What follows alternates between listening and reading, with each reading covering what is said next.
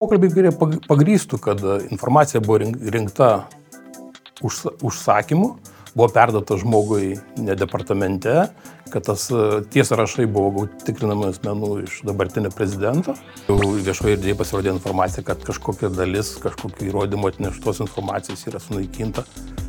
Kokia dalis Kas sunaikinta, niekas nežino. Tai sunaikinti tie pokalbiai, nu, tai būtų tiksai nu, skandalinga informacija. Nes, nu, va. 19 metų prezidento rinkiminėje kampanijoje jūs matėt, dirbdamas VSD, matėt informacijos, kad ta kampanija kažkurio iš kandidatų galėjo, galėjo būti neskaidri. Ar tas kandidatas buvo Gitanas Nausėda? Tiek aš galiu pasakyti, taip, tai buvo susijęs su Gitano Nausėdos rinkiminė kampanija. Visokių išpolių, informacinių, žeminimų, kompetencijos nuvertinimų. Aš tam prašiausi. Mane labiausiai gal kaip žmogų žaidė, kad į tai buvo įpinta mano šeima ir mano vaikai.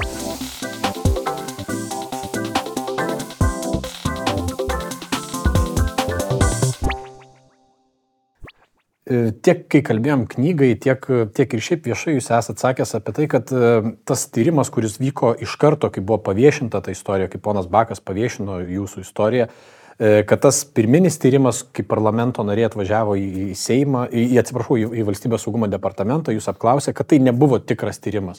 Tai sakėt ir jūs, ir sakė ir tą patį ir ponas Bakas. Dabartinis tyrimas, kuris vyksta Seime, kaip jūs jį vertinat? Ar jisai jums atrodo tikras, ar tai bandoma išsiaiškinti, kas, kas iš tikrųjų įvyko? Lyginant pirmą ir dabartinį tyrimą, tai be abejo visai kitoks e, komisijos narių nusteikimas. Mano nuomonė, kad jie tikrai siekia ir nori įsiaiškinti tiesą, dirba produktyviai mano galva. Taip, taip kad pirmo tyrimo ir antro čia net nėra kad lyginti. Tikrai, tikrai manau, kad dabartinė komisija turi tikslą išsiaiškinti tiesą. Gal reikėtų žiūrovam trumpai priminti jūsų, jūsų istoriją, jūsų praneštos informacijos esmę tikriausiai reikėtų sakyti taip. Tai 2019, ar ne, per ne, likus keliam mėnesiam iki rinkimų jūs kreipėtės į Seimą, į Seimo nacionalinio saugumo ir gynybos komitetą. Ir kokia buvo jūsų praneštos istorijos esmė, jeigu reikėtų trumpai e, priminti? Mano galva, e, kaip aš tuo metu įtariau, e, išanalizavęs ir visą informaciją, kokią aš iki to laiko turėjau, kad valstybės saugumo departamento vadovybė atliko tam tikrus neteisėtus veiksmus ir rinko informaciją apie tam tikrus žmonės, galimai teikia ją asmenim nesusijusiam su mūsų veikla valstybės saugumo departamente išorė. Ir ta, tokia veikla jie kišusi į politinius procesus tuo metu vykus, vyk, vykusius O būtent, e, kas liečia teisinį vertinimą, tai aš maniau, kad tuo metu PSD vadovybė pažeidė politinio neutralumo principą. Iš esmės, kišosi aktyviai į tuo metu vykstančius e, prezidento rinkimus. Reikėtų tikriausiai priminti, kad e, buvo tikrinta VSD, na, jūs gavot VSD vadovų pavedimą patikrinti Gitano Nausėdos komandą kelis kartus, ar ne? Vėliau uh, na, iš įvairių faktų buvo galima daryti prielaidą, kad tokio tikrinimo paprašė pats Gitanas Nausėda arba jo aplinka, arba bent jau mes savo žurnalistinėme tyrime tokią prielaidą kėlėm. Ir na, prieš daugiau nei pusę metų generalinė prokuratura paskelbė tokį išvadą, kad šitos istorijos neištyrė nei viena institucija, nors tyrė vienaip ar kitaip bent trys. Tai yra Seimo nacionalinio saugumo ir gynybos komitetas, generalinė prokuratura ir specialiųjų tyrimų tarnyba. Ir prokuratura viską patikrinusi pasakė, kad nei viena institucija savo darbo netliko, jūsų patiktos informacijos niekas normaliai neišnagrinėjo. Ką jums sako tokia prokuratūros išvada? Nu, tokia išvada aš vertinu tikrai teigiamai. Gaila, aišku, kad tokia išvada dabar tik tai buvo paskelbta, nu, keletą mėnesių atgal, kad porą metų yra prarasta vertinant tai, kodėl tuo metu nebuvo tokių, prie tokios išvados prieita arba generalinė prokuratūra, tai nematė, taip sakant, kitų veiksmų, ką turėtų būti atlikti. Tai čia turbūt tą, tą klausimą reikėtų dalinti į dvi dalis. Tai teisės sauginę dalį ir politinę dalį. Kalbant apie teisės sauginę dalį, tiesiog aš, mano čia asmeninė nuomonė, aš nežinau, kodėl jie, taip sakant, kažkokių į galvą žmonėms neįlysi, bet mano vertinimu, tai tiesiog problema buvo tame, kad tą tyrimą, tą vertinimą informacijos atliko institucijų vadovai iš esmės, kurių likimas tolimesnis priklauso nuo prezidento sprendimų. Jų kadencijos ėjo pabaigą, prezidentas yra tas žmogus, kuris sprendžia tolimesnį likimą, ar antrai kadencijai žmonės skirti, ar, ar taip sakant, gražinti teisėjų pareigybės. Tai manau, kad čia buvo susaistyti žmonės tam tikrą prasme, vertindami savo, savo likimą. Ir čia toj vietoje jie turbūt pasirinko tarp veiksmų. Nes uh, įvairių minčių kyla ir dabar aš pats neslėpsiu, intensyviai stebiu ir tuos parlamentinio tyrimo uh, posėdžius. Tai ką pasisako dabar ir buvę, pasisakė buvę prokuratūros ypač vadovai, tai mane labai ten stebino. Nes generalinis prokuroras atėjęs sako, aš nekontroliavau, kontroliavau šitą tyrimą ir visą vertinimą atliko pavaduotojas mano, kurio tai pareiga buvo. Pavaduotojas ateina vėlgi pasakoja, kad jis nieko nedarė, o darė generalinis prokuroras. Tai nors aš žinau, kad jie abu labai intensyviai buvo to tyrimo kontrolės e, e, mechanizmai įsijungi. Tarsi tai bandom, bandoma rodyti pirštais vienas į kitą taip, ir išvengti atsakomybės. Aš mano galva, tai tiesiog išvengti atsakomybės ir tą atsakomybę tiesiog padalinti atskiras dalis ir išplauti. Tai va, tai, tai va, ką aš galiu pasakyti, tikrai dabar džiugu yra, kad dabartinė va, generalinė prokuratūros vadovybė kompetitinga institucija, aukščiausia teisėsaugos institucija, kuriai ir priklauso pagal funkcijas, vertinti tokias informaciją, priminėti sprendimus, nu, tai iš esmės priėmė sprendimą, kuris patvirtino mano visada sakyta tezė, kad tyrimo nebuvo, o jis buvo imitacinis ir turėjo po to vykti visai eilė kitų veiksmų.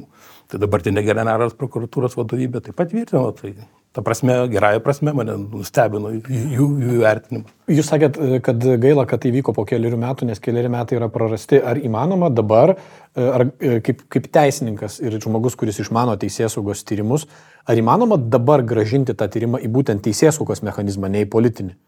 Tai aš kiek supratau, generalinė prokurorė, prokurorė taip ir vertino tą procesą, kad dabar, kadangi generalinė prokuratūra netlieka parlamentinės kontrolės VSD, tai reikia gražinti Seimui, kuris yra kontroliuojančia institucija, tai parlamentinis tyrimas turi ištyrti, jeigu nustatys teisės pažydimus, gaus įrodymus, tada turėtų tą procesą gražinti generalinė prokuratūra. Taip aš supratau bent pagal viešai generalinės prokurorės e, tezes. Tai, va, tai, tai manau, kad tas procesas vyksta dabar, o žiūrėsim, kas iš to gausis. Aišku, taip. Tuo metu, kai mes kalbėjom e, susitikę knygos rėmose, e, jūs sakėt, kad e, jūsų nuomonė iš to, kaip, ko jūsų klausė pareigūnai, kai jūs atėjote, kaip vyko tas tyrimas prieš tyrimą, tas žvalgybinis tyrimas, jums susidarė įspūdis, kad tai buvo rimtas darbas. Ar tai, kas dabar aiškėja, tai, ką kalba prokurorai, jums yra naujiena, Ar, ar, ar, ar visgi iš tikrųjų vyko rimtas darbas, bet vėliau prokuratūros ar, ar, ar STT vadovybės lygmenyje tai buvo numarinta? Aš taip tą kartojus, ką aš jau parlamentinio tyrimo metu sakiau posėdėje. Aš manau, kad tuo metu tie veiksmai, kurie buvo daromi, daromi buvo profesionaliai, aš tikrai priekaištų neturiu, tačiau po tų veiksmų turėjo būti kitas dalykas - įvertinta mano atnešta papildoma informacija, įrodymai, kurie pagrindžia mano teiginius ir mano, taip sakant, visą šitą sutiktą informaciją, nugastavimus. Ir toliau turėjo būti priimti kiti sprendimai, pradėtas iki teisminis tyrimas ir atlikti kiti veiksmai. Kas yra o tai čia visas buvo įrodymai? Medžiaga, kuri buvo rinkta, apie ką buvo rinkta, kokie pimtijai buvo duota, taip pat pokalbiai, kurie, taip sakant, buvo įrašyti mano su VSD vadovybė, kurie pagrindžia mano mano teiginius ir mano pranešimą. E, Seime mačiau, kad kai kurie politikai tikrai nustebo, kai jūs pasakėt, kad jūs esate įrašęs savo pokalbį su VSD vadovais, kai jie duoda jums pavedimus ir taip toliau. Ir kad tie pokalbiai turėtų būti STT, turėtų gulėti STT. Kas tiksliai yra tuose pokalbiuose ir ką jie įrodytų, tie pokalbiai, jeigu na, juos pamatytų Seimo komisija ar, ar net visuomenė? Kad politikai nustebo, kad aš įrašiau, įrašiau tos pokalbius, tai turbūt čia, nu, turbūt nustebo tie politikai, kurie nu, nesupranta teisės saugos ar kriminalinės žvalgybos tyrimo atliekamus metodikos, tvarkos. Tuos veiksmus aš atlikau ne savo asmeninę, taip sakant, valia, tai buvo daryta prašant ir man iš STT pareigūnų atliekantį tyrimą, tai sankcionuoti veiksmai visi buvo. O tikslas tų veiksmų buvo, kad surinkti pirminius įrodymus, kurie patvirtintų arba paneigtų mano teik, te, teiginius, kuriuos aš teikiau NSGK ir STT. Kas yra šitose pokalbėse, tai apibendrintai aš smulkiai paaiškinau, aišku, daviau parodymus ir uždaram posėdį NSGK, nes ne NSGK, o parlamentinė specialiai komisijai. viešai aš aišku čia detalizuotų. Iš esmės ten yra pokalbiai, kurie pagrįstų, kad informacija buvo rinkta užsakymu, buvo perdata žmogui ne departamente, kad tas tie sąrašai buvo gauti tikrinamų asmenų iš dabartinio prezidento ir kad tarp pirmo ir tarp antro rinkimų turo prezidento yra ir mano pokalbis su direktoriu, kuris tikėjusi už tą darbą mūsų atliktą, kad kažkaip bus įvertinta ir tai bus nauda kažkokia gauta. Direktorium tai yra Darium Jauniškiu, kurio kadencija kaip tik tuo metu baiginėjo. Taip, taip. Už poros mėnesių jo kadencija baiginės. E, jeigu aš gerai pamenu ir jeigu gerai supratau tai, ką mes kalbėjom vėlgi knygos metu, e, rašymo metu, e, jūs užsiminėt, kad vienas iš tų pokalbių tarsi leistų, e, sudaro, tarsi įrodo, kad E, ponas Jauniškis taip pat žinojo, kad šitie veiksmai nėra teisėti, ar ne? Taip, yra ir pokalbį taip fiksuota, duodamas nurodymą mano pavaduotojai, jis jo net per, perklausė, ar tu supranti, kad tie veiksmai nėra ne visai teisėti, yra ne visai teisėti. Tai įrodo, kad žmonės duodami tokius nurodymus, jie supranta, kad daro kažką neteisėtą. Ar jūsų žiniomis tie pokalbiai vis dar yra išlikę estate? Ar, o gal gali nutikti taip, kad paaiškės, kad tie pokalbiai jau nežinau, ištrinti, sunaikinti ir taip toliau? Aš galiu tik tai komentuoti tai, ką ir pats matau. Komisijai, ką duoda, kokius liudimus duoda buvę pareigūnai, tai kiek, kiek atsimenu, buvęs vadovas Židrūnas Bartkus, SAT direktorius buvęs, liudijo, kad kol jisai vadovavo e, specialiųjų tyrimų tarnybai, jokie pokalbiai nebuvo sunaikinti įrodymai. Dabar jau viešoje erdvėje pasirodė informacija, kad kažkokia dalis, kažkokiu įrodymu atneštos informacijos yra sunaikinta. Kokia dalis, kas sunaikinta, niekas nežino. Tai aš kiek suprantu ir komisija negauna turbūt atsakymo konkrečiai, ar, ar tie atnešti mano įrodymai yra dar vis dėlto, ar, ar jie dingia. Tai jeigu sunaikinti tie pokalbiai, nu, tai būtų tiksai nu, skandalinga informacija, nes, nu, vat, ką įgarsino ir generalinė prokurorė, įgarsino vieną pagrindinį dalyką, kad mano pranešimas nėra pilnai tinkamai išnagrinėtas. Tai dabar parlamentinis tyrimas jį pilnai nagrinėja. Jeigu jis negaus tos informacijos, kurią aš atnešiau, tai jis ir liks tinkamai neišnagrinėtas. Nes parlamento užduotis dabar, nuo generalinės prokurorės, yra tinkamai išnagrinėti šitą mano pranešimą. Tai jeigu parlamentas negaus šitos dalies mano atneštų įrodymų, tai aš tada nesuprantu, kaip jie gali išnagrinėti mano pranešimą. Aš noriu, noriu patikslinti vieną dalyką. E, Buvęs STT vadovas, ponas Židrūnas Bartus, kelis kartus, kelis kartus Seime yra pasakęs, kad vienas dalykas, kad e, tie pokalbiai ir medžiaga pranešėjo, tai yra jūsų surinkta medžiaga, e, nėra sunaikinta ir kad jinai negalėtų būti sunaikinta pagal įstatymus. Pono Nausėdos e, teikimu, su pono Nausėdos žinia yra paskiriamas naujas vadovas. Senas vadovas nepaskiriamas be jokių argumentų. Taip, ir, ir dabar aiškėja, kad medžiaga yra sunaikinta. Ar įmanomas koks nors teisinis paaiškinimas šitam? Aš jo nesugalvočiau. Arba nesugalvoju, nes logiškai nu, viešai paskelbta generalinės prokurorės jos mintis, kad tyrimas nepilnai išnagrinės mano pranešimas, kai jį pilnai reikia išnagrinėti, tai dalies informacijos reikšmingos, aš manau, sunaikinimas, nu, tai būtų beprecedentinis dalykas. Mes klausėm beje STT e, apie tai, ar byla yra sunaikinta arba bylos medžiaga yra sunaikinta ir STT atsakė, kad jie negali nei patvirtinti, nei paneigti, nes tai būtų valstybės paslaptis. Na, ne va net pasakyti, kad jie sunaikino bylą, e, būtų valstybės paslapties e, atskleidimas. Tokia buvo jų pozicija. Ar yra kažkoks, nežinau, e, ar tai yra valstybės paslaptis. Mes šitam tyrime girdim labai daug dalykų, kad viskas yra slapta ir viskas yra valstybės paslaptis. Nu, jūs dirbot e, valstybės saugumo departamente, puikiai žinot, kas yra valstybės paslaptis.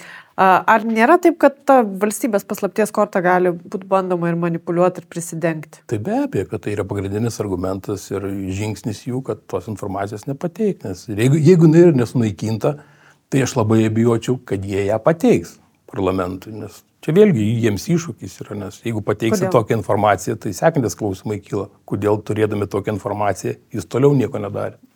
O jūs, jūs dirbot be kita ko, jūs dirbot ir policijoje prieš tai, prieš valstybės saugumo departamentą e, ir vykdėt iki teisminius tyrimus. Ar e, jeigu, aišku, jūs esat, nesat objektivus, nes kalbate apie savo medžiagą, Bet jeigu būtumėte objektivus, ar ta medžiaga, kurią jūs surinkot, tie pokalbiai, kuriuos sankcionuotai rašėte, ar jie sudaro prielaidą pradėti iki teisminį tyrimą ir jeigu taip, kuo tai kaip situacija būtų pasikeitusi, jeigu iki teisminis būtų pradėtas? Tai aš tą ir anksčiau sakiau, mano galva, jinai sudarė pagrindą pradėti iki teisminį tyrimą. Iš esmės aš net galvojau, kad tas kriminalinės žvalgybos tyrimas, kuris vyko, jisai buvo nereikalingas. Iš esmės prokuratūra iš karto galėjo pradėti iki teisminį tyrimą. Ir visus veiksmus, ką aš dariau kriminalinės žvalgybos tyrimo metu, tą patį galima daryti iki teisminio tyrimo metu. Ir tada, taip sakant, taip pat tokiu būdu įrodymų rinkimas dar iki teisminio tyrimo metu būtų įsiplėtęs, galima atlikti poėmis, kratas, ekspertizės, įvairūs dalykai, apklausas žmonių, kurie, kurie taip sakant, nu, vėlgi tampa įrodymai, surinkta informacija ir, ir padeda paneigti arba patvirtinti mano, taip sakant, spėjimus. Tačiau tuo metu nu, buvo nueita kitų kelių, manau, kad tai buvo padaryta tyčia, nes visur vėlgi jūs išnekat apie slaptumą, nes kriminalinės žvalgybos tyrimas iš esmės taip pat viskas slaptai yra. Ir po to slaptumo grifų, sakant, viskas paslėpima yra. Vytautas Bakas, vadovaujantis Seimo komisijai, jau viešai pasakė, kad bent dalis e, tyrimo medžiagos yra sunaikinta. E, tai ar gali, aš kaip suprantu, kad gali nutikti tokia situacija iš to, ką ir jūs sakot, kad tiesiog komisija vėl nebe, negalės išsiaiškinti jūsų istorijos, nes tiesiog jį negaus reikalingų domenų ir įrodymų, arba negalės pilnai išsiaiškinti ir taip toliau. Ar jums tai būtų didelis nusivylimas, jeigu antrą kartą Seimui pradėjus aiškintis tą istoriją, ji ir vėl baigtus niekuo? Kaip dabar įvardinti? Nusivylimas, neįsivylimas, nu, aš manau, kad taip negali atsitikti. Jeigu taip atsitiks, tai bus atsitikę. Aš tik tai prieš save, taip sakant, būsiu ramus, sąžiningas, kad aš padariau viską, ką galėjau padaryti to atžvilgiu, o toliau veiksmai yra nepriklausantis nuo manęs. Toliau, taip sakant, turi valstybė galvoti, ar tokia situacija toleruotina ar ne. O šita situacija, tarkim, jeigu, jeigu nutiktų tas scenarius, kad Komisijai niekas neduoda informacijos, neduoda medžiagos, STT sunaikina medžiagą, nors įstatymas to tarsi ir neleidžia, turėtų būti kitaip. Juolab net sveikas protas, jeigu parlamentas vykdo tyrimą, sunaikini medžiagą, kurios galbūt reikės parlamentiniam tyrimui, kuris taip pat yra, turi tam, tikras, tam, tam tikrus reikalavimus ir, ir normas, būtų kvaila, ar ne, turbūt sunaikinti ir, ir, ir, ir morališkai, kažin ar teisinga. Bet jeigu taip nutinka, sunaikina, VSD neduoda medžiagos, kuri, kurią turi, e, vadovybė VSD sako, kad visa tai netiesa, nors yra pokalbiai, kurie tarsi įrodo, kad tai yra tiesa. Ir visi nekalba, nes nebe, ne, ne, nebendradarbiauja su e, Seimo komisija. Ką, ar tai reiškia, kad, e, kad Lietuvoje teisinis mechanizmas neveikia? Ar, ar nereiktų daryti tokių plačių apibendrinimų? Nu, pla, plačių tokių apibendrintų tikrai aš nedrįčiau daryti, nu, veikia teisinis mechanizmas Lietuvoje, gal mano situacija ir ten veikiantis asmenys yra išskirtiniai, tai turbūt visur, visose valstybėse, ar Amerikoje, ar kitur, kur tokios, tokio lygio nu, bylos ar tyrimai atliekami, visur jie susiduria su pasi, didžiuliu pasipriešinimu ir neigimu ir iš viso, taip sakant, teisės iškraipimu. Tai čia turbūt Lietuva nėra išskirtinė, tiesiog teisinė sistema veikia, tikrai negalima sakyti, kad neveikia. Tiesiog tai yra išskirtinis tyrimas veik, dėl veikiančių asmenų. Nu taip, jūs kalbat, jūsų informacija kalba apie prezidentą ir ar, apie žvalgybos vadovą, kas, kas yra uh, tikriausiai vieni įtakingiausių asmenų šalyje. Nu, renkame eilė metų iš eilės, VSD vadovas įtakingiausias žmogus, renkiamas pareigūnas pagal apklausas. Nu, tai reikės. Jūs liudydamas Seimo komisijoje, kitas dalykas, buvot paklaustas Vytauto Bako, uh, Ar rinkimų 2019 m. prezidento rinkiminėje kampanijoje jūs matėt, dirbdamas VSD, matėt informacijos, kad ta kampanija kažkurio iš kandidatų galėjo, galėjo būti neskaidri ir neskaidri organizuojama. Jūs patvirtinote tai, atsakėt, kad taip tokios informacijos jūs matėt. Ar tas kandidatas buvo Gitanas Nausėda? Tiek aš galiu pasakyti, taip, tai buvo susijęs su Gitano Nausėdos rinkiminė kampanija. Valstybės saugumo departamentas, vykdydamas savo pareigą, prižiūrėdamas, sakykime, vertindamas nacionalinio saugumo situaciją, matė, kad Gitano Nausėdos rinkiminė kampanija galimai yra neskaidri. Aš smulkiai labai papasakojau viską tyrimo komisijai, bet tai aišku buvo uždaras posėdis, nes ten, sakant, tikrai viskas yra valstybės paslaptis susijusi su metodais, iš kur ta informacija buvo gauta, veikiančiais asmenimis.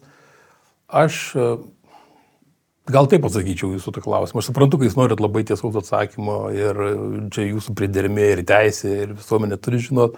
Aš norėčiau atsakyti taip, kad taip, aš dirbdamas valstybės saugumo departamente mačiau ir ten tuo metu bent buvo informacijas, kuri padėtų atsakyti jūsų knygoje keliamus klausimus apie rinkiminės kompanijas finansavimą ir galimą įtaką baltarusiškų trašų verslį, užsimančių to verslu įtaką prezidentūrai. Valstybės saugumo departamente yra informacijos apie tai. Buvo, bent tuo metu, kai aš dirbau. Dabar aš nežinau, ar jinai yra. Tai kitaip tariant, valstybės saugumo departament, departamentas žinojo apie tai, kad, pavyzdžiui, buvęs banko vadybininkas Jonas Vaičiaitis, e, kaip čia pasakyti, bendrauja, važinėja per verslininkus ir prašo paramos kitam nausėdai. Toj vietoje aš tiesaus atsakymų neduosiu, nes tai vis kol kas yra valstybės paslaptis. Bet sakau, parlamento, tyrimo komisija aš... O, aš paklausiu kitaip. Paaiškinau. Jūs pers, vis tiek perskaitėt knygą, ar ne? Be abejo. Kurios vienas, vieno, vienas iš personažų esat herojų, esat istorijos herojų.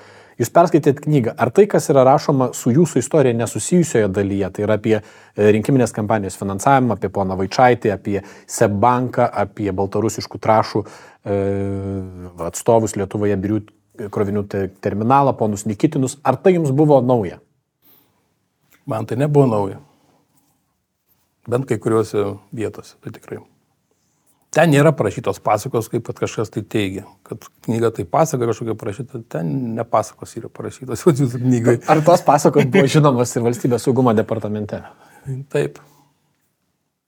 Kaip suprantu, tai reiškia, kad turėjai, aš paklausiu vis tiek tiesiai, kad valstybės saugumo departamentas turėjo žinoti apie brolių Nikitinų, kurie buvo susiję vienais ar kitais ryšiais su birių krovinių terminalu, su baltarusiškas trašas atstovaujančiam įmonėm Lietuvoje, ryšių su prezidentu. Be abejo, tai net viešai yra žinoma, ką jūs dabar pusę pasakėt, kad apie Nikitinus, kai atstovauja. Kad jie turėjo ryšį tai... su prezidentu. Tai vėlgi, aš atsakysiu tai, kas jį nėra slapta, atsakysiu taip, per procedūrinius klausimus. Kai, kai jau prezidentas buvo išrinktas, tik dar lygtais pamenu, kad jis dar nebuvo prisiekęs, valstybės saugumo departamentas gavo um, sąrašą asmenų, kurie kandidatavo, nekandidatavo, buvo atrinkti tapti Gitano nausėdos patarėjais, kad patikrintų juos. Nu, tai tam sąraš, tame sąraše vienais iš pirmųjų buvo jūsų minimi broliai. Tai ir ką valstybės saugumo departamentas atsakė? Tai surinko informaciją ir pateikė prezidentūrai. Ir jie nebuvo paskirti? Faktai rodo taip. E, ar jūs nustebino, nustebintų, jeigu aš pasakyčiau, kad e, tai, tai vyko, e, tas patikrinimas vyko prieš prezidentui prisiekiant, ar ne? Jeigu aš Nu, tik metų praėjo, bet man atrodo, bet kokia, kad... Bet kokia atveju, kadencijos pradžioj, tarkim, iki taip, kadencijos taip, arba taip, kadencijos čia, pradžioje. Čia dar nei vieno patarėjo nebuvo oficialiai paskelbta, tai buvo, taip sakant, nei vieno viešojo erdvėje nebuvo pasirodę patarėjai, buvo parašyti, gavom sąrašą su visais iš esmės, kur apart tų, dviejų žmonių kiti visi patarėjai patapo. Ar jūs nusteptumėt sužinojęs, kad ponai Nikitinai ir vėliau buvo kviečiami į prezidentūros renginius, oficialius prieimimus ir taip toliau? Aš nenustepčiau, nes aš pats mačiau nuotraukas ir po to, taip sakant, karalių vizitų proga rengiami prezidentūros primimai. Bent vienas iš, iš jų tai, tai lankėsi ir kviečiamas būdavo. O gerai, tai ką jūs sakot, nu, e, su baltarusišku trašų verslu susiję žmonės, jų atstovai. Vienas iš jų netgi buvo teisininkas byloje, kur atstovavo tiesiogiai Belaruskalį, tai reiškia baltarusiška įmonė, kuri yra Baltarusijos valstybės įmonė. Tie žmonės yra siūlomi tapti prezidento patarėjais. Toks sąrašas net e, atsiranda VSD. Gerai, prezidentas jų nepaskiria tuo metu, nes tikriausiai gavo tą informaciją, kuri, kuri yra akivaizdė apie grėsmės. Ar VSD po kaip turėtų elgtis VSD tokioje situacijoje? Ar VSD turėtų po to perspėti prezidentą, kad nekviestų tokių žmonių, kad neturėtų kontakto? Prasme, ar VSD neturėjo imtis kažkokių tada aktyvesnių veiksmų? Natūralu, kad turėjo imtis, ar buvo, jų buvo imtas, aš negaliu atsakyti, nes čia jau reikėtų VSD vadovybės klausti, kas su prezidentūra ir su prezidentu bendravo. Nes tiem žiūrovam, kurie galbūt mažiau žino apie tą istoriją, tai nebuvo tik tai prezidento ryšys, sakykime, taip su baltarusiškų trašų verslininkais. Vėliau, kai kla, baltarusiškų trašų klausimas, sankcijų baltarusiškom trašom klausimas atėjo į prezidentūrą, prezidentūra dėjo visas pastangas, kad sustabdytų tas sankcijas, kad baltarusiškos trašos nebūtų įtrauktos į ES sankcijų sąrašą.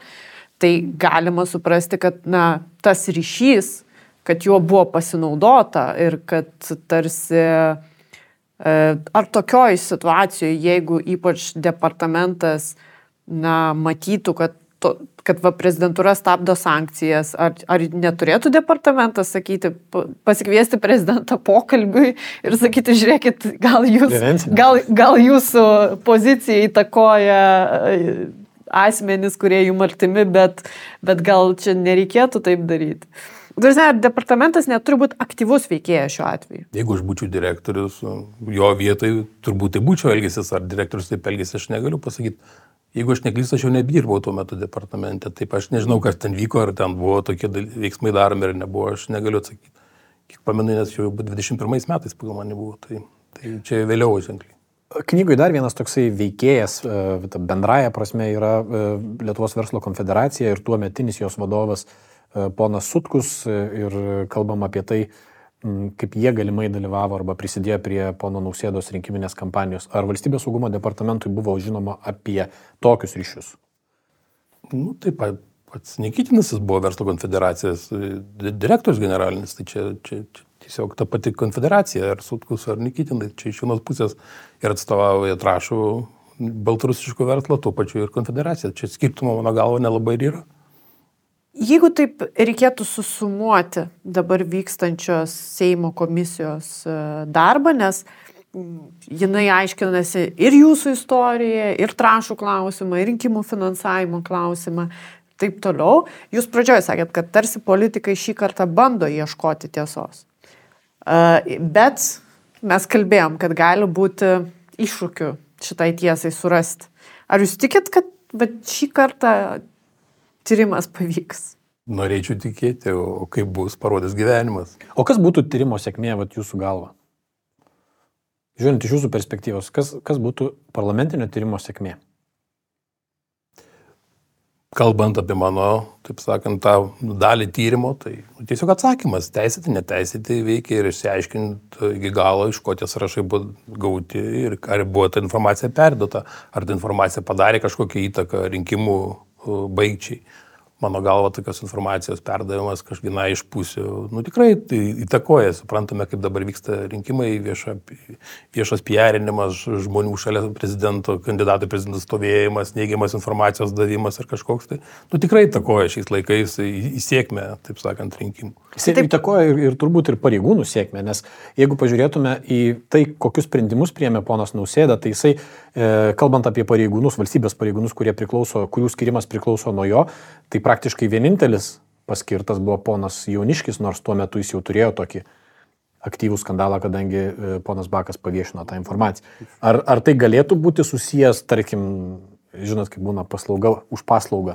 Jauniškio paskirimas antrai kadencijai. Taip, ar jauniškio paskirimas antrai kadencijai, kai visus kitus tar, valstybės tarybos vadovus, kurie priklauso nuo prezidento, prezidentas nepaskiria antrai kadencijai? Nu taip, kiek iš atminties e, pamenu, tai nei generalinio prokuroro kadencija antrai nepaskyrė, nei stato direktoriaus, nei valstybės kontrolieriaus. Iš esmės vienintelis e, pareigūnas, kuris paskirtas antrai kadencijai, tai buvo Darius Jauniškis. Nu, tai Ar susiję tai, kaip jūs? Aš manau, be abejo, kad man, mano asmeninė nuomonė, aš, aš klausimų neturiu.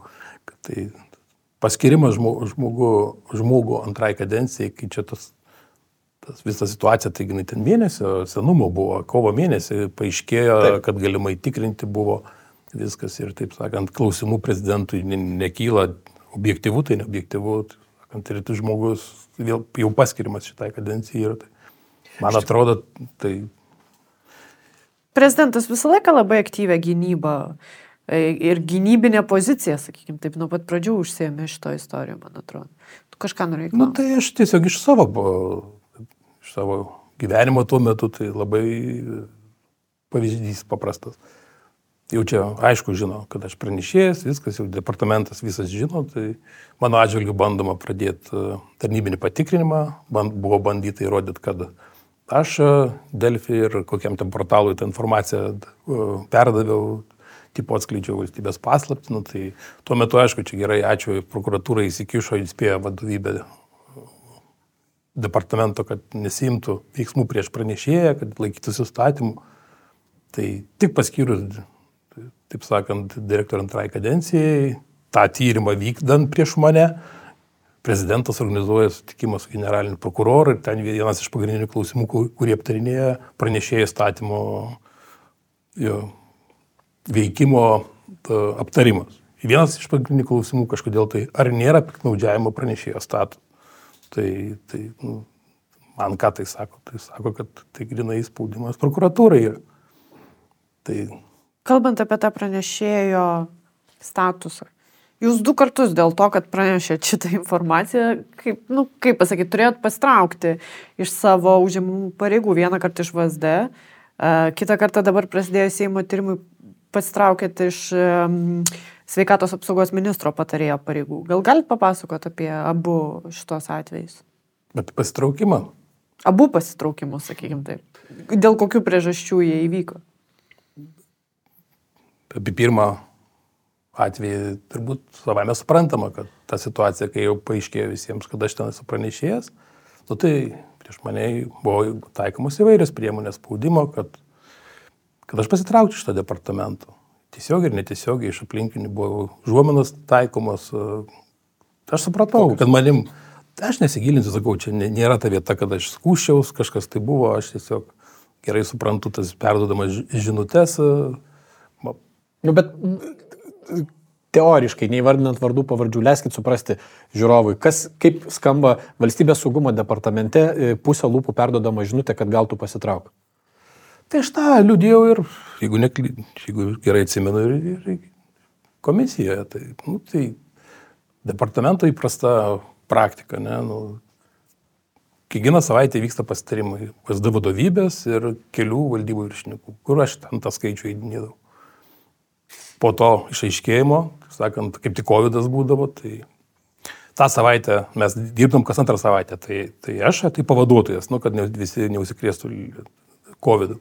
Nu, tai kada aš esu, pasitarimus manęs nekviečia. Taip sakant, vat, tai tie pasitarimai buvo strateginiai, savaitiniai, kur ten visi darbai aptarinėjami, išleidžiamos pažymos e, sprendimų prieimėjams, e, vykdomos operacijos. E, kai... O jūs vadovavot svarbiausiai valdybai? Taip, kurios, kuri koordinavo tas visas operacijas ir kontroliavo jas. Nu, tai, vat, sakant, tuo metu, kai aš na, dirbu, manęs į pastarimus nekviečia. Kai aš nedirbu, mano pavaduotojai tos pastarimus eina.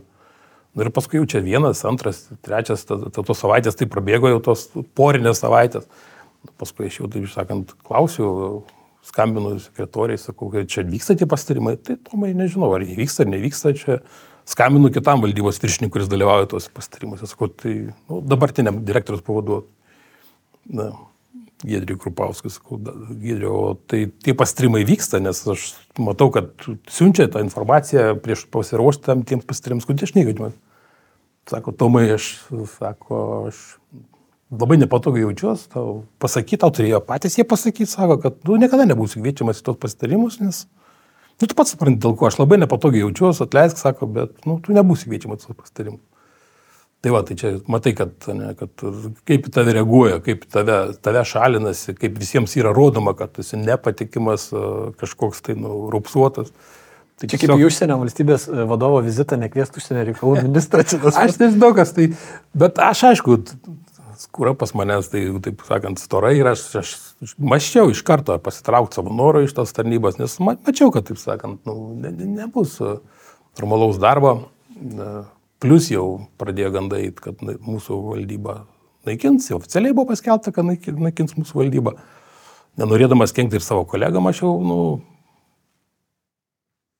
pagalvojau, kad reikia man trauktis, plus dėl tų visų išgyvenimų, psichologinė, tikrai stresas, nu, nuolatinis darbe vis tiek, pergyvenimai įvairūs, taip sakant, tai, tai tikrai mano sveikatas sušlubavo, aš buvau pasiūstas nu, į medicinę komisiją, ten pripažintas netinkamų tarnybai, aš parvežiau tą pažymą, padaviau ir viskas, ir buvo atleistas dėl sveikatos būklės.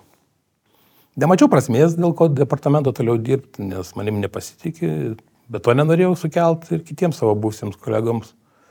Neigiamų pasiekmių, nes tuo metu tai departamente buvo prasidėjusi raganų medžioklė, ten visi įsivaizduojami ir nesivaizduojami mano kolegos, kurie galėjo vadovybės būti suprasti kaip palaikantis mane, nu, tai paskui per reformą jie arba išėjo iš darbo, arba buvo žemesnės pareigas visi perkelti. Taip pat aš kažkaip galvojau, kad išeidamas dar pusę metų prieš tą visą reformą, aš dar apsaugosiu, gal apsigalvos departamentas dėl to sprendimo reformos, nes tikrai jinai nelogiška buvo mano galva tuo metu. Tai, tai, tai tiek, tiesiog nemačiau prasmės, o sveikatos apsaugos ministrijai taip, dirbau, aš ten patarėjau pas ministrą, bet vėlgi jau kai tyrimas parlamentinis prasidėjo, aš turėjau įtliūdyti, nusprendžiau vis tiek įtliūdyti viešai. O ministras žinojo tai?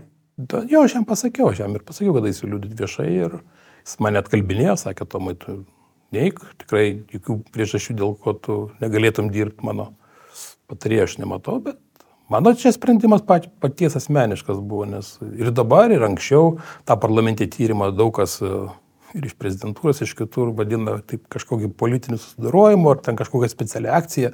Aš nenorėjau, kad mane tapatintų su kažkokia partija, niekada nebuvau jokios partijos narys, nei giminės mano, nei artimieji nėra jokių partijų narių, aš visada politiškas buvau, aš tiesiog nenorėjau, kad aš būčiau interpretuojamas ar, nu, kad, kad tie mano kritikai ar tos partijos, kurios nedalyvauja tam parlamentiniai tyrimai, kurį iš karto įvardijo, kad kažkokį tai specifinį prieš prezidentą, nenorėjau, kad jie dar turėtų argumentą, kad čia vat, pas konservatorių deleguotą ministrą dirba pranešėjas, čia reiškia irgi žaidžia, tai aš toj vietoj tą procesą norėjau praeiti paprastai, kaip paprastas pilietis, buvęs pareigūnas ir aišku, norėjau turėti ir daugiau laiko savo skirti, nes kaip jau matėte, ir jauniškis vis masto kreiptis į teismus dėl šmeišto, dėl reputacinės žalos, kurią aš jam padariau. Tai tiesiog ruošiuosi tam tikrai gynybai. Tai padarys. Manau, kad ne. Po knygos išleidimo buvo paviešinta jūsų tapatybė, visose žiniasklaidos priemonėse antraštėse mirgėjo jūsų pavardė, nors jūs buvot vis dar valstybės saugomas pranešėjas. Kaip jūs prisimenate tą laiką ir kaip jūs reagavote tai? Kaip sužinojot? Tai taip kaip visi sužinojo, tai čia išskirtinumo nėra. Na, nu, žinot, kad paviešinta mano pavardė, aš turbūt to, to, tam ruošiausi, to tikėjausi, nes, nu, natūralu. Kaip aš jau anksčiau pasakojau, nu, mano pavardė, kad aš esu pranešėjęs, tai tapo žinoma iš karto, kai ta informacija kovo mėnesį ten pasirodė nu, viešai. Vis, visas departamentas žinojo. Direktorius pats pasistengė, kad visas departamentas sužinotų viešai darydamas spaudos konferencijai įvardėjo, kad tas pranešėjas yra iš tos būtent padalinį, kurį suplaukė visą informaciją. Toks padalinys departamente. Taip, tikrinimo mašinos. Nu, tai va, tai tikrinimo mašinai vadovau aš. Tai visas departamentas iš karto suprato, kad tas pranešėjas, ne tik departamentas visas suprato, suprato visa valstybės tarnyba arba visas viešasis sektorius, kuris yra susijęs su kažkokiu tikrinimu, su saugumo departamentu, nes visi dokumentai su atsakymais išeidavo su mano parašu. Tai visi žino, kas ta tikrinimo mašina ir kas tą tikrinimo mašinai vadovauja. Tai mano pavardė jinai buvo, bet siauresniam rate, nu, keletas tūkstančių žmonių kaip minimum turbūt žinoma. Tai čia nu, ta, ta, tas slaptuvas, kad jinai tapo ten vieša ta, ta, tuo metu, kai po knygos išėjimo. Tai aš jau duodamas jums uh, interviu, šitai knygai, aš, aš numačiau, kad tai bus. Kaip tai mane paveikė? Mane asmeniškai niekaip nepaveikė. Aš tam ruošiausi, žinau, kad bus visokių išpolių, informacinių, žeminimų, kompetencijos nuvertinimų. Aš tam ruošiausi. Mane labiausiai gal kaip žmogų žaidė, kad į tai buvo įpinta mano šeima ir mano vaikai. Aš to niekada taip nedaryčiau. Bet čia kitų žmonių, kas tai pasielgia, čia jų sąžinės reikalas. Pri, primenant, tikriausiai tai buvo keliamas klausimas, ar jūsų vaikas ėjo į teisingą mokyklą, nu, sakykime, ideologiškai teisinga, kai Maskvoje, jūs dirbote Maskvoje VSD pareigūnų. E, apskritai ten buvo tokių daug bandymų apjuodinti jūsų reputaciją, tokių nustaikymų į ją, e, kad, kad jūs valstybininkų klanui neva priklausėt, kad Maskvoje dirbot ir gal tai supras kažkaip tai čia su Rusija susijęs esat. E, E, kad, kas ten dar buvo, nu, tokios e, pagrindinius gavot už Kad nedalyvavot operacijose, už kurias gavot valstybinius apdovanojimus po to. Ką jūs galėtumėte tai atsakyti? Dėl mokyklos, kad ide- ideologiškai ne ta mokykla. Visi valstybės saugumo departamento atstovai, kurie dirba Maskvoje, nuo pat nepriklausomybės laikų ėjo, vaikai šitų atstovų ėjo į mokyklą. Dar mažiausiai dviejų, kurie dirbo po manęs, taip pat į tą mokyklą. Ir tai buvo iš esmės departamento prašymas, nurodymas, kad tai būtų. Tai čia tiesiog apie tai aš galiu pasakyti, nes ne- nesigilinsiu argumentai, dėl ko tai turėjo būti tiesiog, bet visi, kas buvo, visi ir po manęs dar du kaip minimum septyni metai praėjo, visi vedė tą mokyklą. Be kita ko, galima tiesiog net ir viešai pasakyti, paguglinus elementariai tą mokyklą, tai buvo kalbama, kad tai buvo tam tikras lietuvybės žydinys e, Maskvoje, ta Aš, mokykla. aš sakau, nesigilinsiu, aš e, ten tą polemiką, kai čia. Taip. Kokia ta mokykla tiesiog. Ėjo visi į tą mokyklą. Ir diplomatų vaikai į tą mokyklą vedė taip. Dėl e, kompetencijos, dėl ke- kelti klausimai. Nu, čia vėlgi dabar tai valstybininkai, jo, valstybininkai svarbu, nes nu, dabar paneigti man, kad aš kažkoks nesu ofonautas, pars, iš kosmoso parskridęs, nu, kažkaip tais, nu, nežinau net kaip tai paneigti, nes aš, nu, ką galiu tikrai pasakyti, per visą savo tarnybą aš nepriklausiau jokiai, jokiam neteisėtam, korumpuotam ar kažkokiam, nu, kažkokiu paslaptingu įtaku valdomam, jokiam klanui. Tikrai nepriklausiau visą gyvenimą, aš tarnavau valstybės labai pagal sąžinimą, pagal priesaiką. Taip aš tikrai tą neigiu, aš jokiems valstybininkams niekada ne, ne, nepriklausiau. E, Dėl kompetencijų mano, tai tiesiog aš irgi čia turbūt nu, ne vieta man aiškintis, bet aš duodu viešą leidimą dabar matau pas jūsų laidoje, bet kas, kas nori mano kompetenciją patikrinti, gali kreiptis į valstybės saugumo departamentą, aš duodu viešą leidimą valstybės saugumo departamentui pateikti išrašus iš mano kasmetinių vertinimų, kur kas metais mane vertindavo tiesioginis vadovas, direktorius pavaduotojas Bridikis, aukštesnysis vertintojas yra direktorius VSD Jauniškis. Tai aš duodu viešo leidimą, kreiptis į departamentą, leidžiu naudoti mano asmens duomenis ir ten visi pamatys, kaip mane vertino tuo metu eilę metų. Bridekis ir, ir direktorius. Tas pats liečia ir apie mano dalyvavimą operacijose. Duodu pirmą leidimą visą pasakyti, nes dokumentai dėl apdovanojimų valstybinių taip pat yra rengiami į prezidentūrą, duodu leidimą tiek prezidentūrai, tiek, tiek uh, VSD. Pilnai mano asmens duomenys naudotis ir jas kleis kam nori. Tai pats aš nekomentuosiu, galiu pasakyti, kad visose operacijose aš dalyvau asmeniškai, ne taip, kaip ten kažkas bando nupiešti, kad aš sėdėjau už stalo ir ten parašus dėjau. Visuose aš dalyvau asmeniškai. Tai tik tai tiek. Tai va, o leidimas duotas, tai gali bet kas tą informaciją pasimti, jeigu saugumo departamentas duos, bet jie neduos, nes jie patys tą mano kompetenciją žemindami, jie įrodys, kad ta kompetencija jinai yra, nu, ne tokia, kokią viešai bando parodyti. Jūs, bet, bet jums ką tik išsprūdo. Jūs galvojat, kad tas išpolis viešasis buvo susijęs su valstybės saugumo departamentu? Nes panaudota tam tikra informacija yra, kurią tik žinojo VSD vadovybė. Ar jūs nustebino? Iškreiptai pa- panaudota. Ta prasme, tai, kas buvo paskelbta apie jūs, sakant, kad jūs ne, netinkamas, nekompetitingas, dalį tos informacijos žinojo tik VSD vadovybė. Taip. Ar jūs nustebino temos, kuriomis e, buvo bandoma sumenkinti jūsų reputaciją? Tai aš sakau, aš, aš tuo metu, kai jau daviau interviu, aš supratau, kad bus išpoliai kažkokie. Temos nenustebino. Jūs e, vis tiek kalbate apie tai vėl ir vėl. Ta prasme, tam reikia tokio. Nes jūs pakviečiate. Nes, nes jūs, nes jūs e, pranešėte apie tai iš pradžių Seimui, tada niekas nieko nepadarė, davėte interviu knygai, žinodamas, kas, kas gali laukti, dabar vėl liudijo Seime. Kokia yra jūsų motivacija apie tą istoriją kalbėti vėl ir vėl ir vėl? Nes e, jinai nėra atsakyti klausimai, kurie yra užduoti mano, jie nėra, nėra atsakymus juos. Tai, tai dėl to aš ir kalbu, kad kiekvienas pilietis nuo mūsų priklauso, kaip mes e, keisim valstybę, tokia valstybė ir bus. Kai- Kokią mes ją darom, tokioje valstybėje gyvens ir mūsų vaikai. Tai mano nuomonė yra, tai jeigu tu matai, kad kažkas tai yra neteisinga, neteisėta, tu turi pats imtis tai tvarkyti. Taip mane auklėjo mano apžinatelis tėvukas, taip aš auklėjau savo vaikus.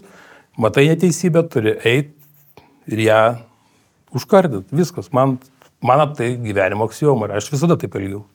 Ta neteisybė jūsų atveju yra tai, kad valstybės saugumo departamentas, e, panaudodamas savo įrankius, tikrino mm, Lietuvos piliečių žmonės e, vieno kandidato naudai. Ir vienas pagrindinių dalykų, e, ką mes girdėjome, kai pradėjome savo žurnalistinį tyrimą ir dar net nebuvom niekada bendravę su jumis, e, tiesiog rinkom informaciją iš viešų šaltinių ir skambinom tiem žmonėm, mes, viena, viena dažniausių frazių, ką mes girdėjom, tarkim, paskelbę savo žurnalistinius tyrimus ir, ir skaitydami komentarus, arba net iš tų žmonių, kurie buvo tikrinti. Kad, nu, tai gerai, kad valstybės saugumo departamentas tikrino visus tuos žmonės. Jie užkardė um, patikrino, kad Rusija nesikištų į rinkimus ir taip toliau. Jūs esate šito dalyko ekspertas. Kaip jūs vertinate tokius komentarus ir ką jūs atsakytumėte tiem žmonėms, kurie sako, kad labai gerai, kad valstybės saugumo departamentas panaudojo tos įrankius uh, tikrindamas kandidato aplinką? Jeigu būtų toksai sprendimas priimtas, kad mes visų kandidatų prezidentus aplinkas tokiu pat būdu tikrinam ir vienodai jie turi visas startinės pozicijas, nu, aš tada sakyčiau, tai yra teisinga demokratiniai rinkimai to ir yra svarbus, kad demokratiniai, kuriuos neteisėtom formom nesikiša ar užsienio valstybės, ar viduje kažkokios finansinės grupuotės, neteisėtos organizuotos grupuotės, visi turi būti vienodos starto pozicijos, visi gauti vienodą, taip sakant, galimybę. Parodyti save, savo idėjas Šiuo atžvilgiu buvo tikrinta tik vieno kandidato aplinka. Išsamei. Valstybės saugumo departamentas netraštą parašė parlamentui ir prezidentūrai, teikdamas, kad tai netiesa, kad tikrino visų kandidatų. Tai va, aš, man, man čia kitas vat, klausimas, nes iš tos tas tyrimas vėlgi gimdo kitą tyrimą. Mano galva tas raštas yra melagingas. Tiek aš taip pat mačiau, kad valstybės saugumo departamento direktorius teigia, kad e, vienodai visi buvo tikrinti. Nu, aš sakau, to nebuvo. Mes netikrinom jokių kitų kandidatų į prezidentus aplinkų tokiam formate. Taip, Ar jūs išsamei... galėjote nežinoti to, kad buvo? Ne, na aišku, kad negalėjo tai būti, nes aš vadovau tam padaliniui, kuris uh, tik atlieka tas tikrinimus. Be manęs niekas arba be mano pavaldinių to dalyko negalėjo padaryti. Tai, tai čia tiesiog net ir tas raštas. Ir, ir jūs klausėt, vat, kodėl Seimas ir tuo metu tas sprendimas buvo toksai. Mano galva, nemaža dalim uh, E, sprendimas e, nedaryti gilesnio tyrimo tuo metu, kai tai tapo vieša, tai buvo to rašto pasiekmė, nes departamentas oficialiai, departamento vadovybė atsintė dokumentą, kuriame yra išdėstyta, kad tikrinti visi ir nu, ten išrodyti, parodyta ne, vieno kandidato tiek žmonių tikrinta, kito tiek. Ir viešai teigiama buvo, kad visi vienodai tikrinti ir teisėti. Tai va, netgi va, tas, ir aišku, tas raštas vėlgi buvo įslaptintas ir yra įslaptintas. Taip, mums atsakė, mes bandėm gauti tą raštą, tai atsakė, tai, kad jis yra... Tai va, ta, o tas raštas jis melagingas. Iš esmės tuo metu jau VS, valstybės saugumo departamento vadovybė, kas rengia tą raštą, jie tuo metu apgavo aukščiausia tautos atstovybė, parlamentas. Tai yra dokumentų klastojimas. Tai taip, nu, tai taip, tai vad gal, gal atsakys parlamentinis tyrimas į tą klausimą. Nes aš, aš taigi iš karto sakiau, atėjęs pirmą kartą, aš atėjau ir, ir, ir į tą nacionalinio saugumo gynybos komiteto posėdį. Sakiau, aš visi mano žodžiai, aš esu pasirengęs eiti ant melo detektoriaus, poligrafo, patikrinti, visi mano teiginiai yra tiesa. Aš, aš suprantu, kad tai skamba turbūt žmonėms iš šono nu, ne, negaliu patikėti, kad taip gali vykti valstybė. Na, ką aš pasakoju, aš suprantu, kad tai yra sudėtinga, sunku patikėti, kad direktorius nesako, kad aš tą dabar kaip tam žmogui pasakyti, kuris leidimo neturi, ne, kad... Kaip perduoti tą informaciją. informaciją. Kaip dabar, nes tai aš suprantu, nu, tai atrodo nesu, nesuprantama paprastiems žmonėms, parlamentarams. Aš sakiau, tai, va, tai Direktorius kažkodėl tais viešai Seime atsakinėdamas į Seimo narių klausimus pasakė, kad nėra teisinių galimybių jam įstatymė nenumatytas, kad jis iš viso melo detektorium galėtų tikrinti. Tai čia, vat, mano gal ir atsakymas yra. Taip, nes jūsų pozicija e, prieštarauja e, kardinaliai, tai yra dvi e, skirtingos taip, pozicijos. Taip, taip. O gal žiūrovom, kurie nesupranta. Gerai, jūs sakėt, kad ne vienodos starto pozicijos tarsi buvo rinkimuose, nes vienas kandidatas galėjo VSD pagalba gauti, na, išskirtinę tam tikrą tikriausiai prieigą prie informacijos. Kaip šita informacija, kuo gali būti naudinga? Ar tai yra išsi... išsivalymas nuo kažkokių uh, žmonių, kas galėtų piariškai pakengti per rinkiminę taip, taip, kampaniją. Jūs atsakėte tą klausimą, nes šalia prezid... kandidatų prezidentus nestovėjo žmonės, kurie kažkokiu turėjo vat, klaustukų. O šalia kitų galėjo stovėti. O šalia tokį. kitų galėjo. Taip. taip. Man atrodo, vienas įdomiausių iš tų visų sąrašų, kurie buvo galiausiai ir paviešinti, jie buvo tie, kurie buvo atnešti jums ir prašoma patikrinti, buvo tas, tai, ką mes vadiname neformaliai verslininkų sąrašu, e, kuriame e, pavardės surašytos su kreipiniais, elektroniniais paštais ir mes darom tokią, e, remdamiesi šaltinių informaciją, mes darom tokią prielaidą, kad tai galėjo būti SEB banko kalėdinės vakarienės e, kvestinių VIP svečių sąrašas. Kur tokia informacija, jūs žinot, kokia informacija buvo rinkta apie tuos verslininkus, kur tokia informacija buvo galima panaudoti ir jeigu negalit į tai atsakyti, ar tarkim pono Vaičiaičio situacija, kur žmogus renka važinėja po Lietuvą ir renka paramą ponui Nausėdai, ar jisai galėjo tokią informaciją pasinaudoti rinkdamas pa paramą?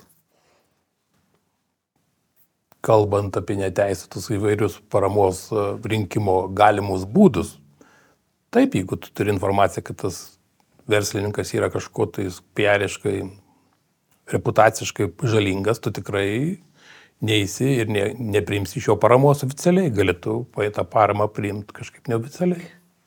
Dar vienas svarbus dalykas, apie ką mes, e, ko mes nepaklausėm, kai klausėm daug klausimų apie rinkimų finansavimą ir apie tai, kokia informacija buvo žinoma VSD, e, kokią informaciją turėjo valstybės saugumo departamentas, kitaip tariant, per rinkimų kampaniją. Ar departamentas turėjo informacijos apie galimą neoficialią paramą?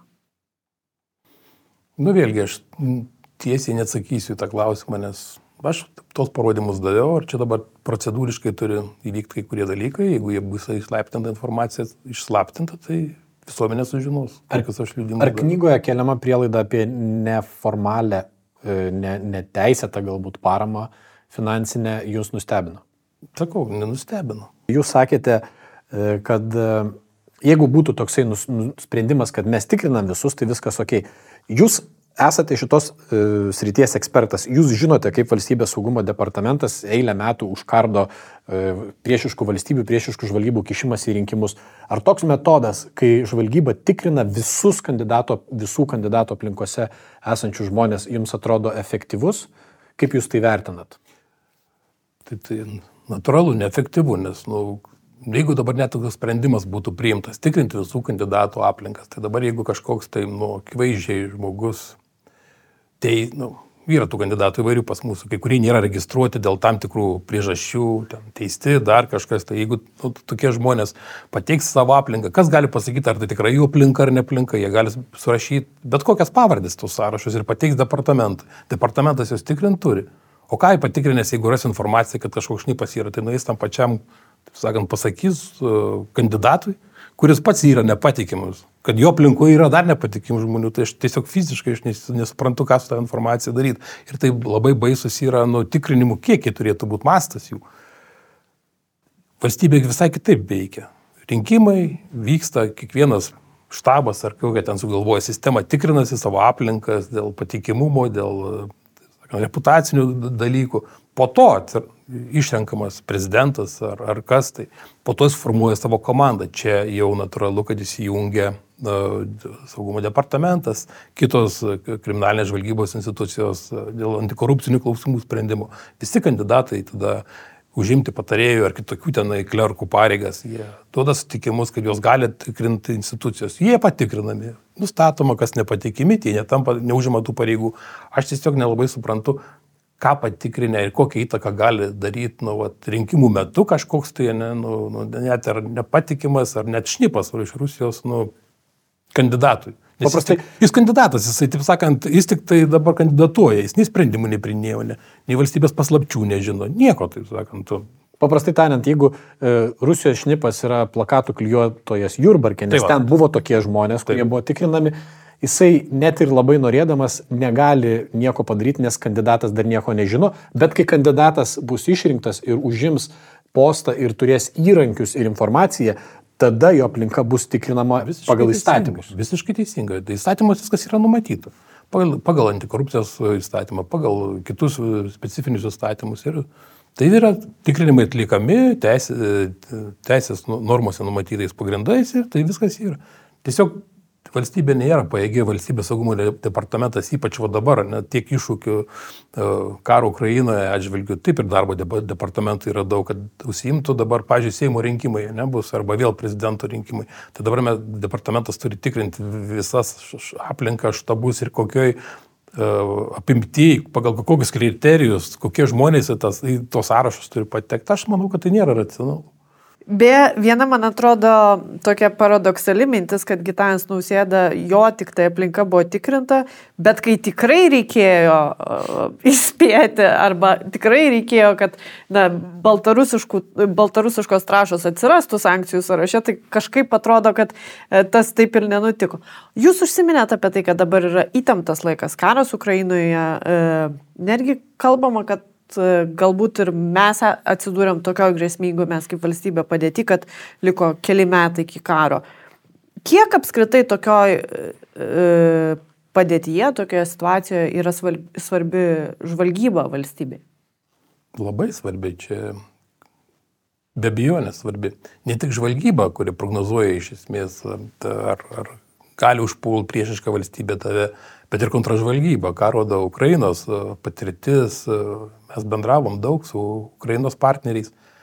Kontražvalgybai dar svarbesnė gal negu, negu žvalgyba, nes kaip pirmoji fazė karo prasideda, ką Ukrainos partneriai mums pasakoja, kad tada aktyvuota buvo visa agentūra, kuri buvo infiltravusi valstybės valdžios institucijose, nuo teisėjas saugos, kariuomenė, net sveikatos sistema, tiesiog paprastai energetikos sistema. Visur buvo pajungti visa agentūra, kad sabotuoti valstybės veiklą. Tai svarbi. Tiek žvalgyba, tiek kontražvalgyba. Be galo svarbi. Ką Jūs pasakytumėt žmonėms, kurie sako, uh, sakytų, kad esant tokiai situacijai, kai mes esame tokia geopolitiniai grėsmė ir kaip, kaip ir, ir sakė, kad atrodo, kad galbūt net mes ir patys galėtume būti taikiniu, kad kelti tokių istorijų ir tokių klausimų e, kaip jūsų istorija, kaip parlamentinis tyrimas, kad tai yra e, ta, tam tikras irgi kenkimas žvalgybai ir valstybei, valsty, žvalgybos autoritetui buvo apie tai kalbama. Ką jūs atsakytumėte tokiems žmonėms?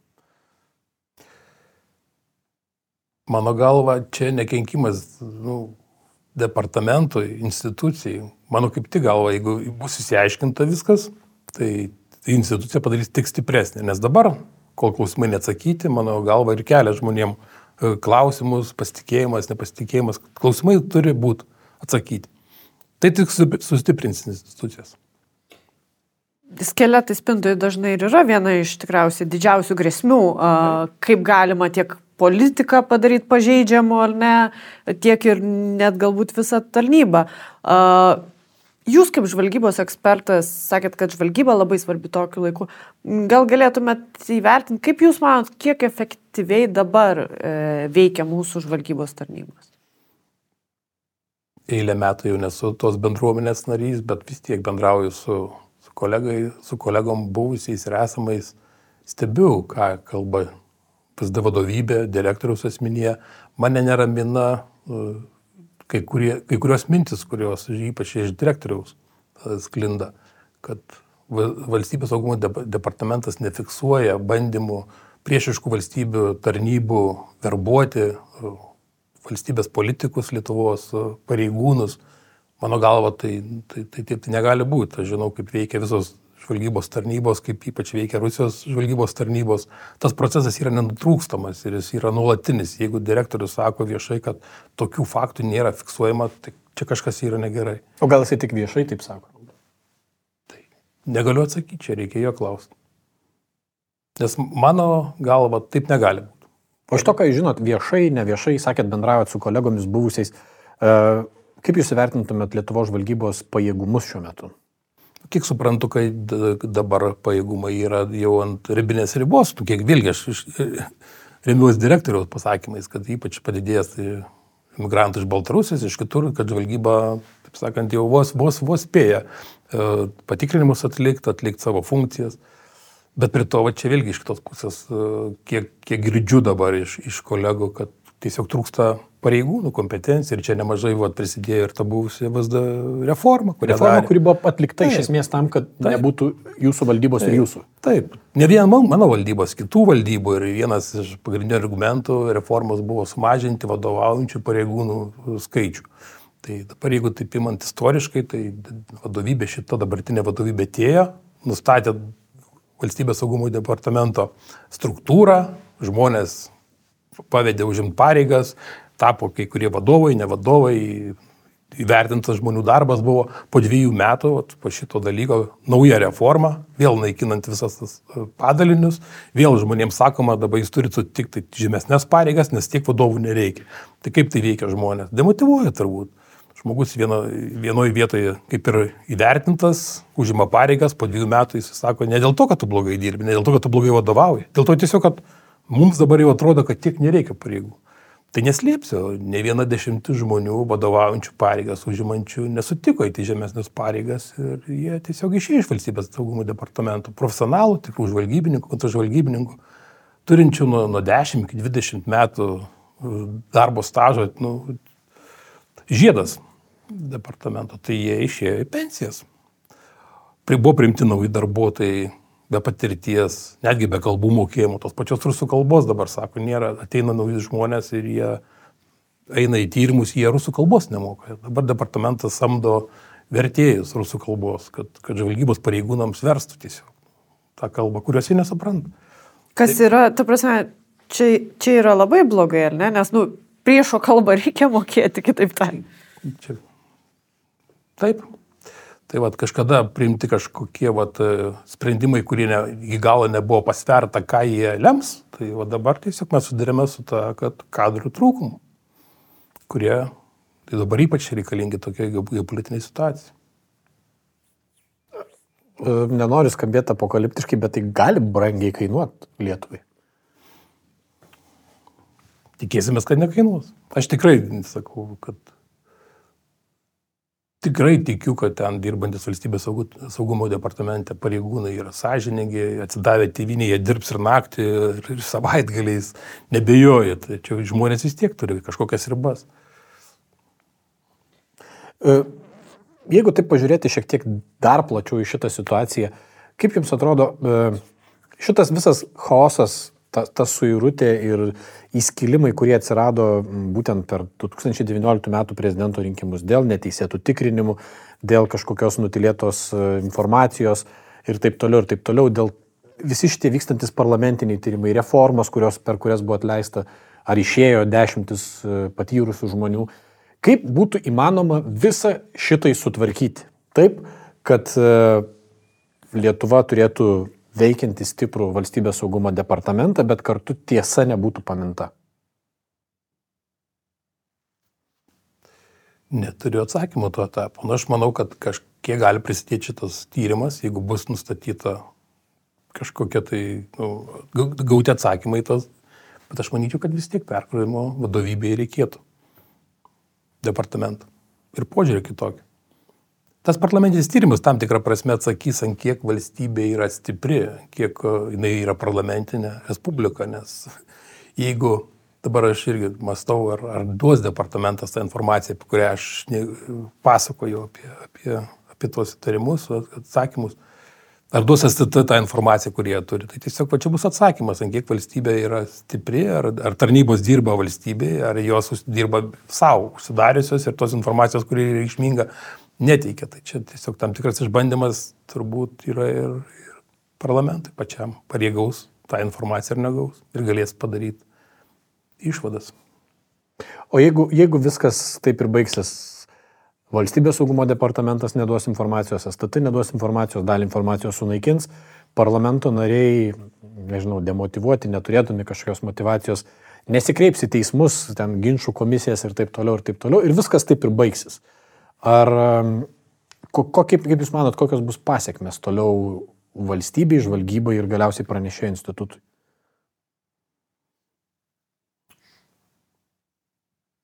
Nieko, sistema vis tiek jinai dirba. Aš tikrai dar sėkiu noriu pasikartoti, kad žvalgybos pareigūnais aš tikiu, kas dirba ir depart, valstybė nėra neapsaugota. Jis yra apsaugota, e, tačiau visada yra, kad galima dar geriau suaktyvinti, efektyvinti darbą. Tai aš nenoriu tikrai apokaliptiškų scenarių piešti, manau, kad e, departamentas dirbs, atliks savo funkcijas ir, ir, ir čia niekas nepakys. Apie patį pranešėjų institutą vėlgi, tai aš nemanau, kad, kad kažkaip tas pranešėjų institutas bus paveiktas. Taip, turbūt žmonėm, žiūrint į mano situaciją, kyla įvairių, įvairių klausimų, ar verta tą pranešėjų, ar, reikia to keliu eiti, bet, bet aš paskatinčiau žmonės eiti tuo keliu, nes vis tiek, kaip aš kartoju, turbūt valstybė, kuriame mes patys, jeigu mes patys nenorėsim jos pakeisti, tai už mus niekas tai nepadarys. Aš prisimenu, kad Davidas yra vienam tyrime bandęs prakalbinti žmogų jau po e, pranešėjo, jau po jūsų tapatybės išviešinimo. Ir, ir tas žmogus sakė, kaip, sakė, pasižiūrėkit, kaip su jūsų pranešėjai nutiko, kodėl aš turėčiau liūdėti. Uh, ir jisai neliūdėjo. Tas žmogus ir neliūdėjo galiausiai.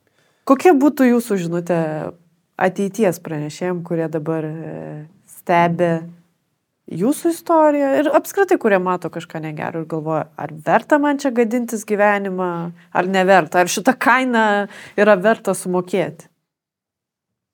Manau, kad tuo keliu reikia eiti.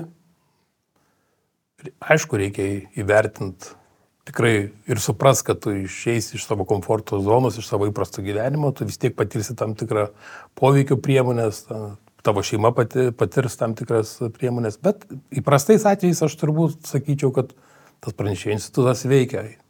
Ir žmonės yra apsaugomi, jų informacija yra tyriama, nagrinėjama, kai kuriais atvejais išskirtiniais taip užmiršta teisės saugos institucijos savo priedermę, užmiršta pareigūnai aukščiausi, ką jie turėtų atlikti. Tada tam tikrą prasme žmogus tampa nu, nusivylęs turbūt, nu, ir aš tuo metu abejojau, bet čia atsiranda tada ketvirtoji valdžia, o čia jūs tada atsirandate, kurie tas blogybės ir kurie padeda tiems pranešėjams toliau siekti savo tikslų ir skaidinti valstybę.